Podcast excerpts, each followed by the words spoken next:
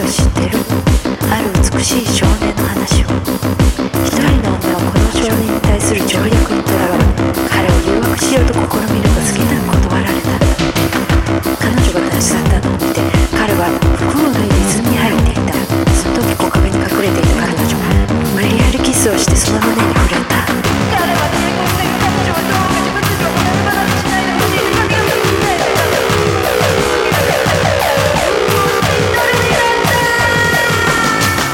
話はまだ終わっていない。周知と機会にくれた彼は自らも神に申し立てこの泉の水を浴びた者は皆自分と同じような体になってしまいと泉に呪いをかけたのだ。彼女の願いは聞き届けられ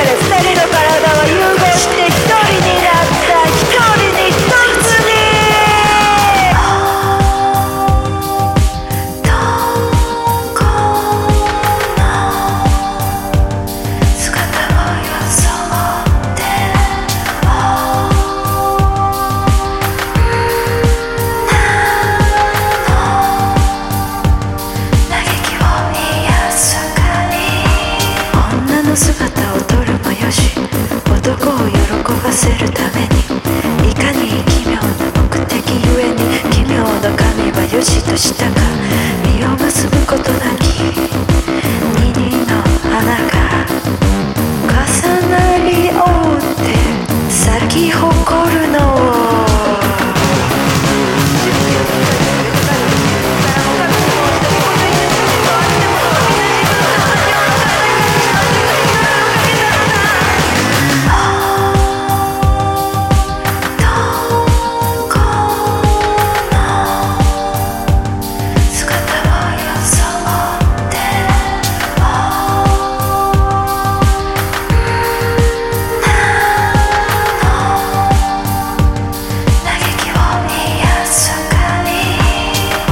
姿を撮るもよし男を喜ばせるためにいかに奇妙な目的ゆえに奇妙な神はよしとしたか